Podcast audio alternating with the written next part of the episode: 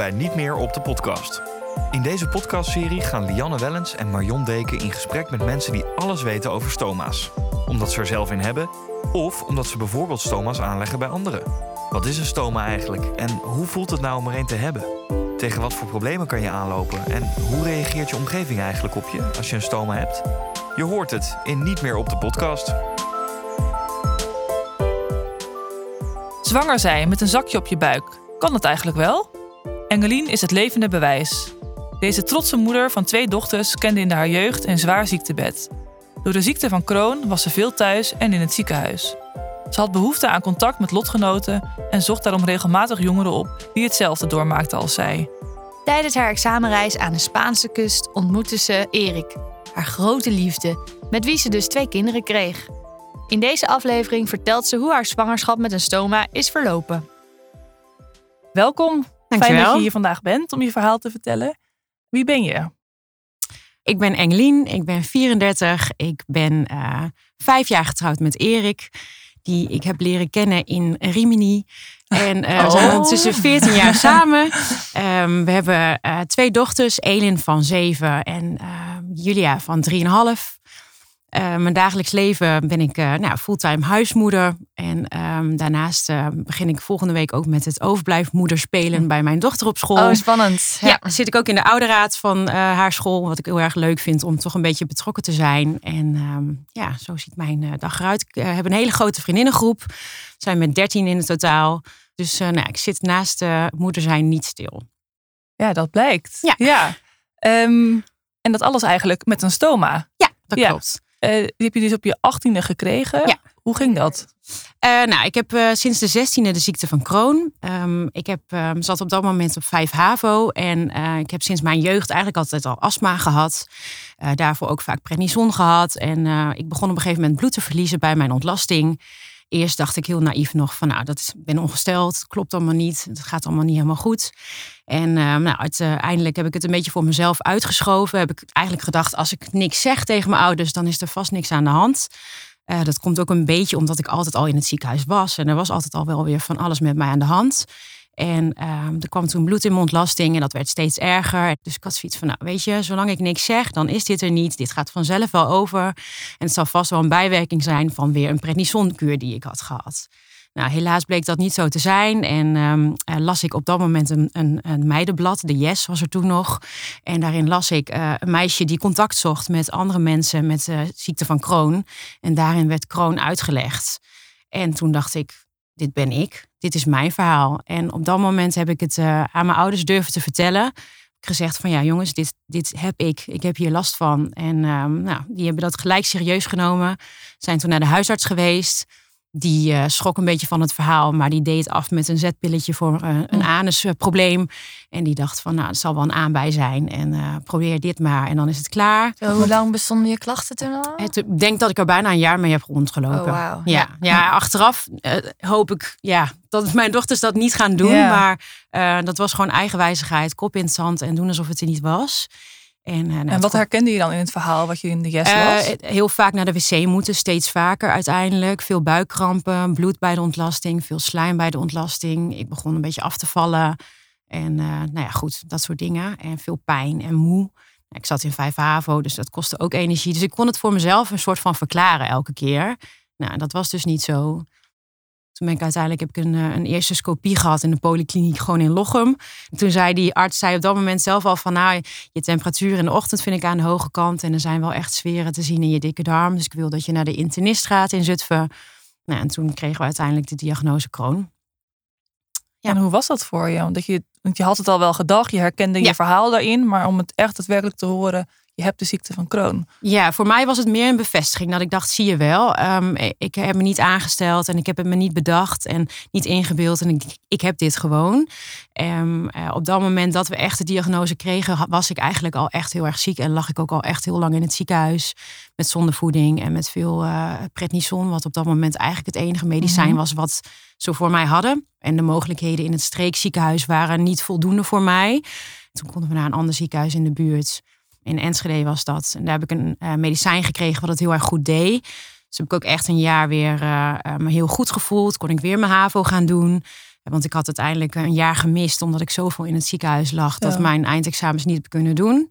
En met frisse tegenzin een klein beetje 5 HAVO nog een keer gaan doen.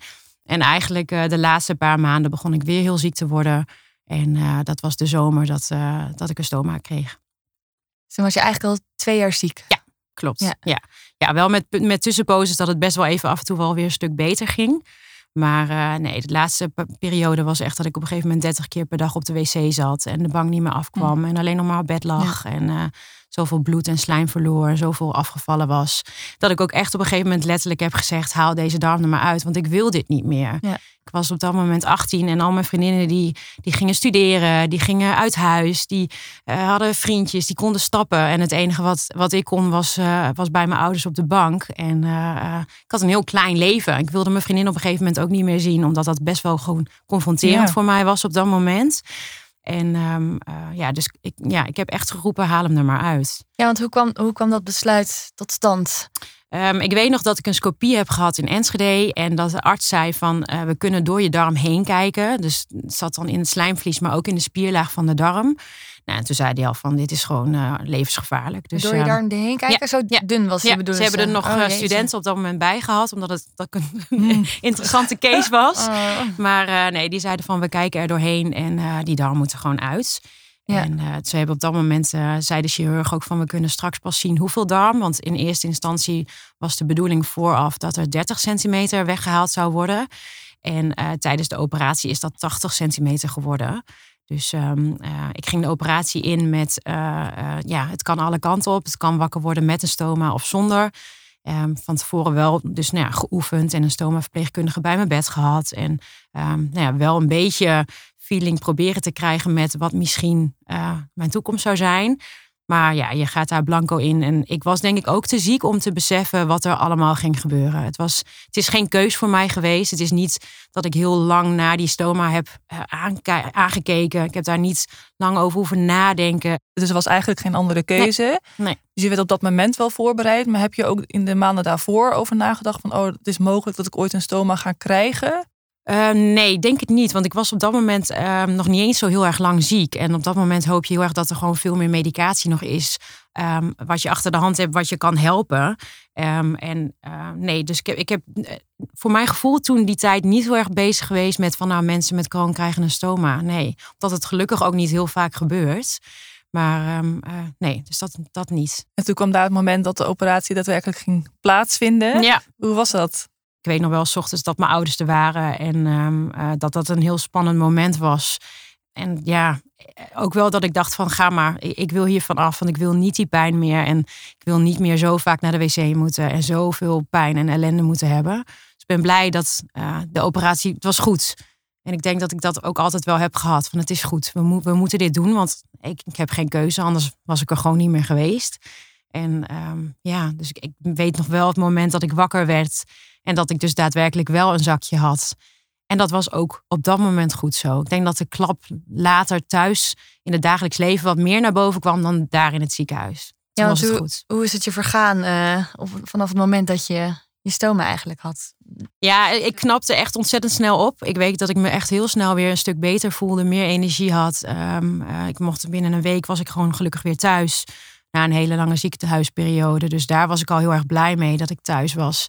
En ehm, ik weet nog wel, nu nadenkend hierover, dat eh, de eerste paar dagen dat ik in mijn eigen bed weer wakker werd. En dat ik dan mijn hand op mijn buik voelde. Dat ik dacht, oh ja, oh ja er zit een stoma. En dat toen wel het besef kwam van, oh, hou ik dit dan mijn hele leven? En is dit het dan? En word ik later een, een oma met een stoma? Weet je wel zo van, nou, hoe is mijn toe- toekomst met Ja. dat ding? Maar ehm, ja, ik heb vanaf het eerste moment het goed zelf kunnen verzorgen. Ik ben er niet bang voor geweest. Eh, mijn ouders waren daar goed bij betrokken op dat moment. En eh, eh, ben blij dat, ja, wat ik al zei, ik was gewoon blij dat ik weer meer energie had. Dat ik weer kon Ja, fietsen. ja. Dat ik mijn leventje weer kon uitbreiden. En eh, ja, dat ik er weer was. En dat was eigenlijk het allerbelangrijkste voor Nou, je. echt. Geen pijn meer, niet zo vaak meer naar de wc. Ja. En weer verder met je leven. Ja, precies. Ja. Ja, want ja, je bent dan een, een supermooie jonge dame van 18. ja. ja, dat is toch wel... Ja, dat was heel spannend. En ik, eh, daar- zeker dan heel snel komt het, het stukje van nou, eh, eh, vriendjes, hoe gaat dat?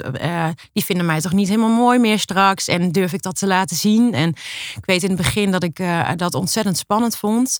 Eh, maar ook dat ik ook wel zoiets had van ik zeg wel gelijk wat ik heb. En ook wel de kroon en een stoma. En dat klinkt heel stom, want ja, weet je, wat zeg je na zo'n jongen toe?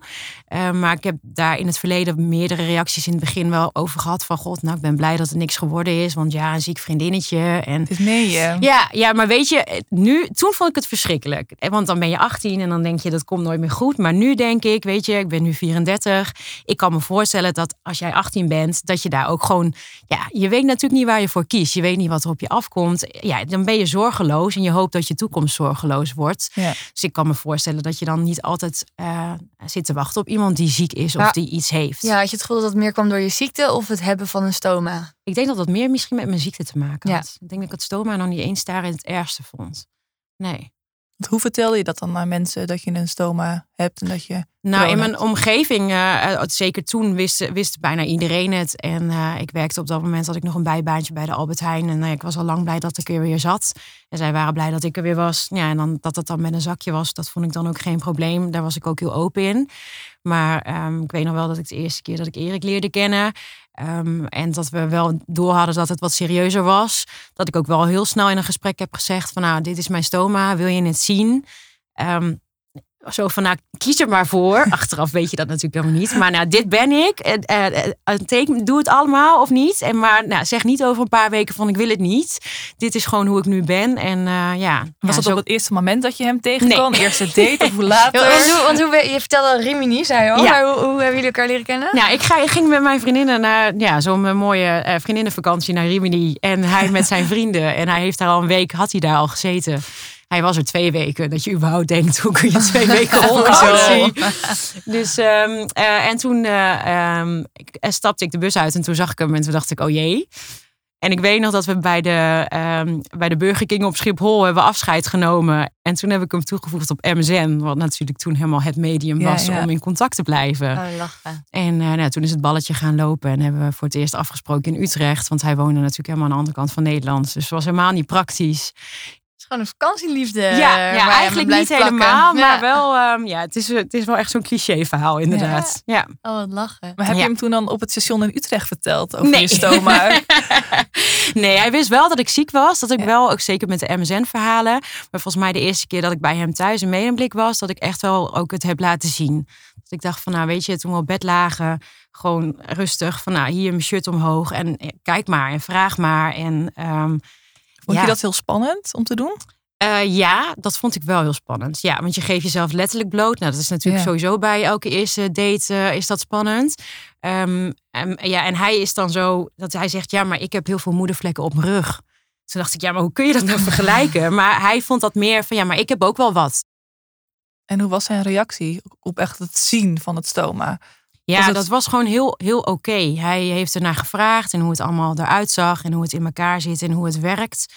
Eh, maar het ging heel ontspannen. En ehm, ja, eigenlijk vanaf het eerste moment heeft hij er nooit een probleem van gemaakt. Nee. En was dat bij eerdere vriendjes ook zo? Was je daar ook zo open mee? Ja, wel. Maar dat, dat is uiteindelijk niet eh, eh, zo serieus geworden dat dat eh, een toekomst überhaupt had. Dus daarin, nee, bij Erik was het wel gelijk eh, anders. En dat is heel cliché, maar dat was gewoon zo. Was gelijk goed. Ja, dat was echt gelijk goed. En eh, durfde ik het ook toe te vertrouwen. En ehm, eh, ja, En het was dus met hem gelukkig een hele fijne ervaring Ja. om het te vertellen en te laten zien. Maar heb je daarvoor ook niet leuke ervaringen gehad?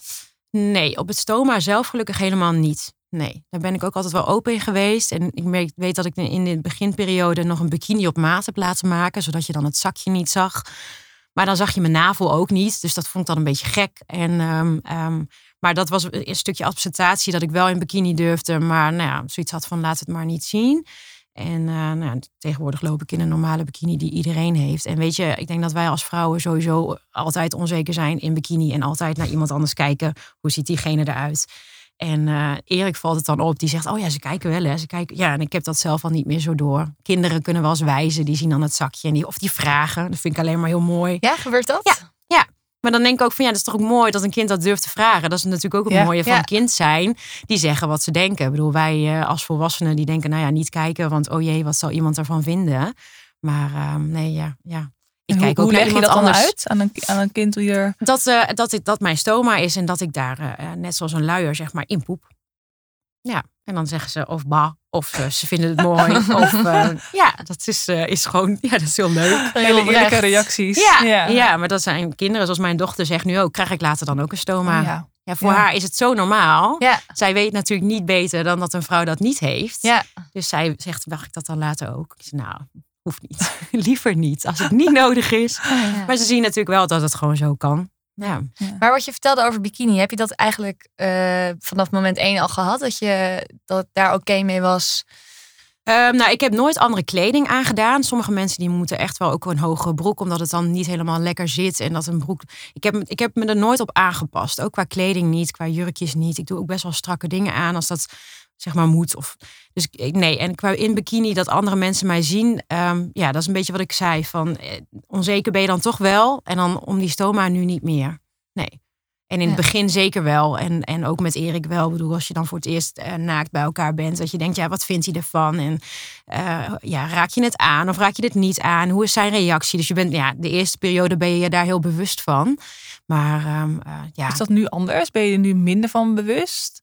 Ja, ja, zeker. Ja, ik ben me wel dagelijks bewust van mijn stoma. Eh, zeker ook met als er wat meer lucht in zit en ik dat vervelend vind. Dat ik denk van nou, eh, oh ja, waar is het toilet? En dat ruik je dan. En ik bedoel, eh, als, als normale mensen naar de wc gaan, dan doen ze het liefst thuis. Want dan ruikt niemand dat. En dan doe je dat op een rustig plekje. Ik ontkom daar niet altijd aan. Ehm, dat is meer waar ik me, ja, daar kan ik wel eens dat ik denk, van, ja, ja, stom dat ik dat ding heb. Maar nee, gelukkig verder niet. Nee.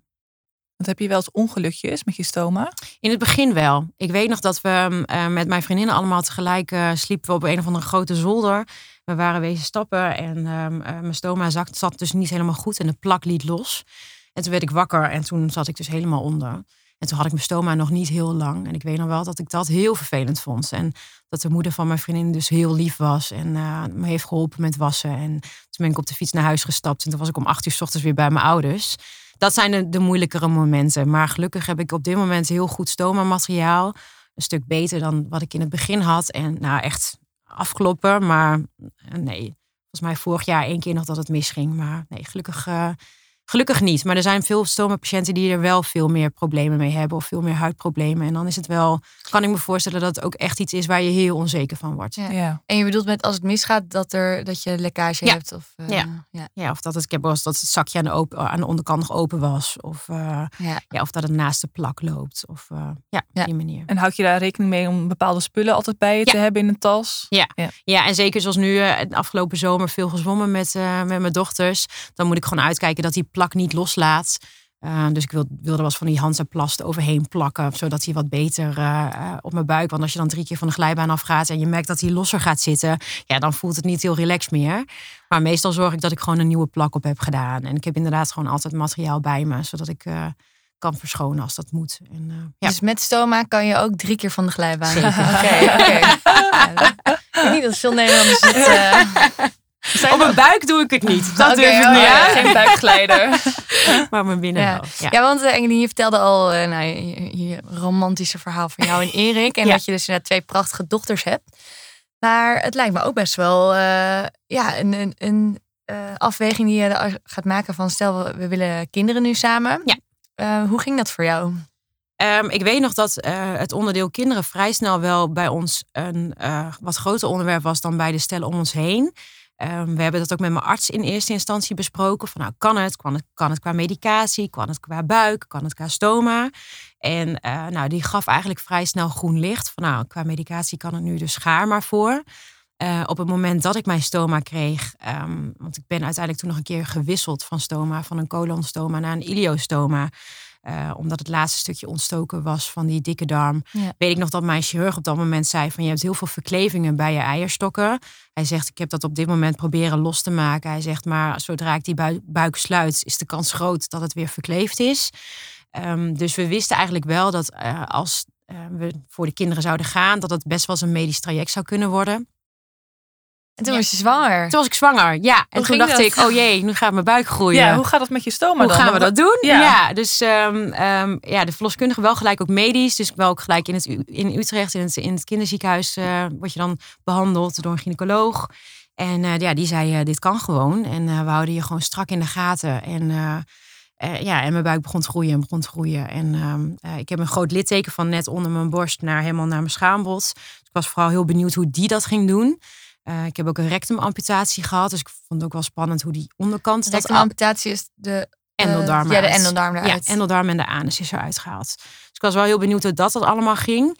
En ehm eh, nou ja, 20 weken echo, gewoon een prima eh, gezond kindje in mijn buik. En eh, ja, mijn buik ging, eh, ging groeien en groeien. En eh, ja, dat stoma dat groeide gewoon mee. Hij werd gewoon groter. Ik merkte wel dat ik vooral de laatste weken wat meer last kreeg van verstopping.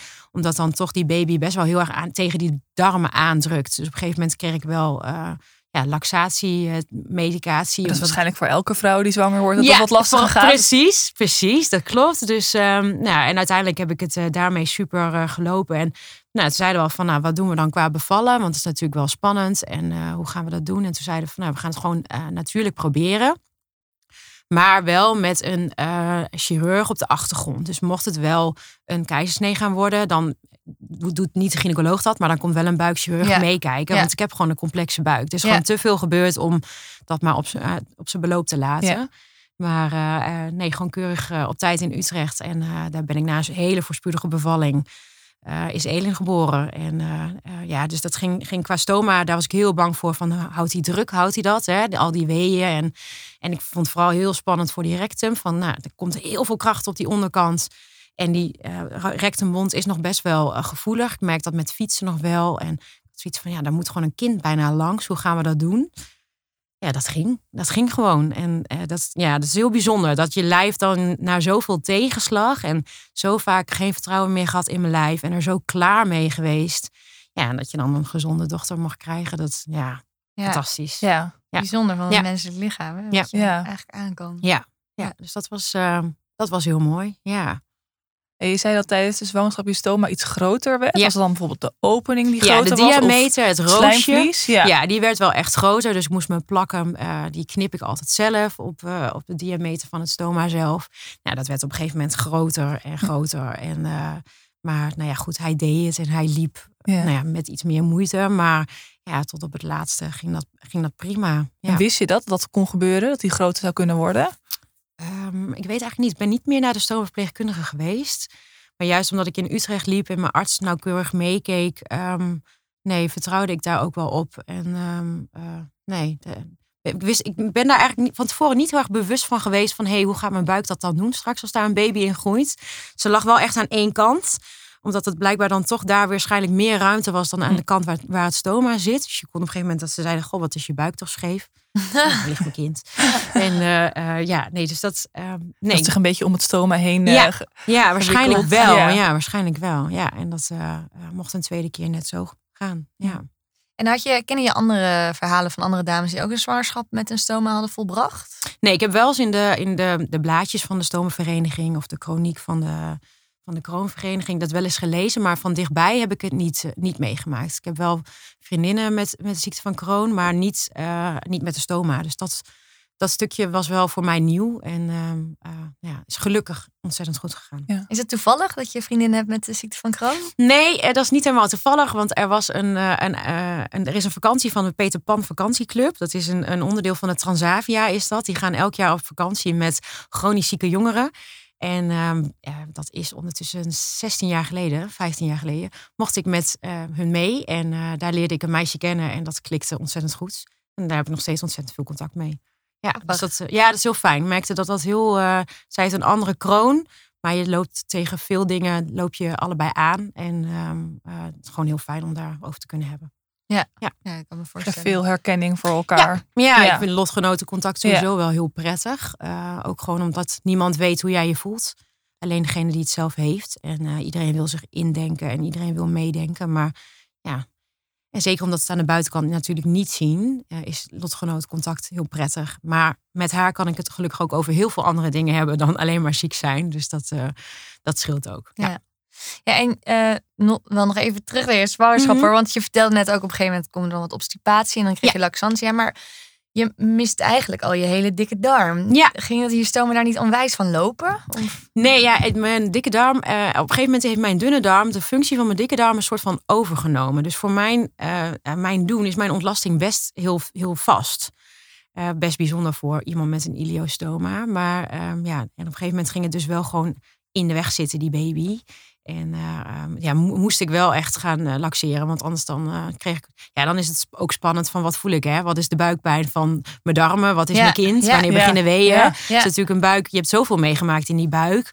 Om er maar te vertrouwen op wat dan goed gaat, vond ik heel lastig. Ja, ik ben heel onzeker geweest de hele zwangerschap. Dat merkte ik wel. Dat ik dacht, ja, weet je, je hebt zoveel. Je weet zo goed dat dingen anders kunnen gaan dan het boekje. Voor mij had ik zoiets, nou dan zal dit ook vast wel anders gaan. Maar dit eh, ging eh, nou ja, Ja. volgens het boekje. Had Ja. je zwangerschap ook nog effect op de ziekte van Crohn? Had je dat gevoel? Nee, op zich niet. Ja, vaak zeggen ze dat hormonen wel eens willen zorgen dat het rustig wordt, de ziekte van Crohn. Maar dat was op dat moment eigenlijk al best heel erg goed onder controle. En ehm, nee, het, werd lichamelijk wel zwaar. Vooral met de, met de tweede zwangerschap met Julia. Eh, de laatste weken liep ik nauwelijks en kwam ik nauwelijks de bank meer af. En was mijn lijf zo zwaar en eh, moe. Ja. Was vooral blij dat ze eruit waren. En toen voelde ik me weer een stuk beter. Ja. Want je tweede zwangerschap is ook helemaal goed eh, verlopen. Ja, dat Oh, was eh, gelukkig ook helemaal weer spontaan. Wel weer eerst medisch gekeken van nou, wat eh, stel dat. En, maar dat was gelukkig helemaal niet nodig. Dus ja, dat was een cadeautje dat dat ook weer goed mocht gaan. Ja, Oh, mooi. En Eline, je vertelde ons al voor, in het voorgesprek dat je ook veel voorlichting eigenlijk Ja. wel eens geeft. ja dat klopt. Kan je daar iets meer over vertellen? Ja, dat is eigenlijk een keer volgens mij ook begonnen met eh, via de Yes weer. Dat ze iemand zochten van, goh, wat heb je meegemaakt dit jaar? En volgens mij was dat voor mij dat ik toen vertelde dat ik een stoma had gekregen. Eh, daarnaast heb ik meegedaan met het to- tv-programma Jong. Ehm, daarin eh, werd ik een dag gevolgd en ben ik ook gaan zwemmen. Omdat hun ook wilden gaan kijken van, nou, waar loop je als stoma-drager tegenaan? En wat zijn ook inderdaad de vooroordelen? Ehm, dus dat vond ik ontzettend leuk om te doen. En eh, ik geef voorlichting. Ehm, ik heb op, eh, op hogescholen heb ik eh, lessen over stoma gegeven. En toevallig begin ik volgende maand met via de stomavereniging de soort van opleiding om dat wat professioneler te kunnen gaan doen. Dus, Oh, wat tof. ja, en waar, ja. waarom heb je je toen opgegeven om, voor zo'n programma? Het lijkt me namelijk best wel confronterend. Ja, ik vind het belangrijk om te laten zien dat het leven niet klaar is als je een zakje krijgt. En ehm, dat ik het belangrijk vind dat, eh, om te laten zien dat eh, heel veel dingen gelukkig gewoon weer kunnen. En dat je het eigenlijk helemaal niet hoeft te merken aan iemand.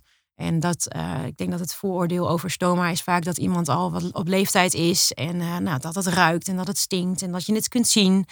En ik wilde laten zien dat dat dus gewoon helemaal niet zo hoeft te zijn. Had je dat zelf gemist in de aanloop van zeg maar, dat je een stoma kreeg, dat je ziek werd, dat je eigenlijk die informatie niet kon vinden? Ja, ik denk dat de periode te kort is geweest voor mij om echt te beseffen dat ik een stoma kreeg en dat ik me daarin ben gaan verdiepen. Maar ik kan me inderdaad in die tijd niet heel erg voorstellen dat daar heel erg veel. eh, ja, er waren wel blaadjes, maar ja, dat durf je ook dan haast niet te lezen. Omdat je denkt, ja, dit, hier ben ik nog helemaal niet aan toe. Dit wil ik, dit wil ik niet. Ik denk dat die reactie er in het begin ook zeker wel was. Van ja, maar dat gaan we helemaal niet doen. Dus dat, zolang ik dat maar niet lees, dan is dat er niet. Eh, totdat het wel zo is. Heb je veel reacties gekregen op je programma met Jong? Ja, ja, heel veel. Ja, dat was echt ontzettend leuk. Ik vond het heel leuk om te doen.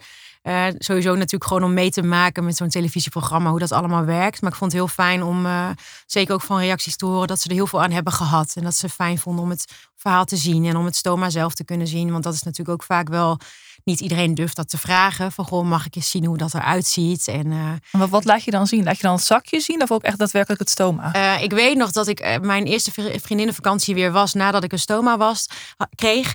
Weet ik nog dat een vriendinnetje aan mij vroeg, maar mag ik dan ook echt het roosje zelf zien, het stoma zelf? En dat vond ik zo stoer dat zij dat vroeg, omdat ik weet dat heel veel mensen denk ik best wel heel nieuwsgierig ernaar zijn, maar het misschien niet durven te vragen. Eh, zij vroeg door en zei, nou, toen heb ik het gewoon laten zien en dan haal ik inderdaad het zakje eraf en eh, ja, dan zie je echt eh, het stoma en dan zie je hem ook bewegen. En, ja, dan, en dan denken mensen van, oh jeetje, oh, ziet mijn darm er dan dus ook zo uit? ja. ja, Je hebt geen idee. nee, nee. Dus dat, nee, ik vind het gewoon belangrijk om te laten zien. ehm, en het is echt niet alleen maar roosgeur, ge- roosgeur en maneschijn. Het is alleen niet, niet alleen maar een positief verhaal. Maar het leven gaat ook door met een zakje. En dat kan eh, in heel veel gevallen hartstikke goed. ik denk dat ik dat vooral uh, wil meegeven. Ik denk ook een mooie boodschap voor onze luisteraars. Ja, zeker. Ja. ja. En je geeft ook les, zei je? Op, is het op middelbare scholen of ja, ik heb het, ja, ik heb op uh, um, uh, hoger onderwijs heb ik les gegeven aan verpleegkundigen die dus het in hun werk te maken kregen met stoma's. En um, dat vond ik ook heel belangrijk. En zeker ook omdat zij inderdaad dan ook vaak wel ja, het uit de boekjes moeten halen. En het vaak in de praktijk dan pas zelf tegengekomen. En toen had ik gewoon een presentatie gemaakt en laten zien hoe en wat. En ben, ben jij uh, actief op social media ook? Ook door je voorlichting? Of, uh... Uh, ja, ik vind het wel leuk om nou ja, sowieso gewoon de, de Instagram en de Facebook een beetje bij te houden. Ja, dat vind ik wel leuk. Ja. En volg je dan bijvoorbeeld ook mensen inderdaad waarvan je weet dat ze een stoma hebben? Of die daar... nou, sinds kort weet ik dat een, een model uit Amerika, en dat is gewoon een Nederlandse meid, is dat. Die heeft sinds een paar weken een stoma. En ik vind het wel heel stoer om te zien. Um, zij heeft natuurlijk zo'n rolmodel. En vooral om haar uiterlijk. Uh, om dat zo op, uh, op social media te kunnen zien. En ze laat ook echt het zakje zien. En uh, ja, dat vind ik wel heel stoer. Dat ik denk van ja, ik denk dat dat voor heel veel mensen niet weten hoe het er überhaupt uitziet. En dan bij zo'n mooie dame dat ik denk van ja, echt ja. Ja, want zij post echt foto's ja. waar, waar ja. het duidelijk zichtbaar ja, is. Dat ze blij is dat haar leven doorgaat ondanks dat zakje. En dat dat er zou, mag zijn. Zou je dat zelf ook doen om een foto op Instagram te zetten van een vakantie met een bikinifoto? Nee, ik heb wel een hele mooie foto van mijn zwangerschap met een hele mooie ronde buik en mijn zakje.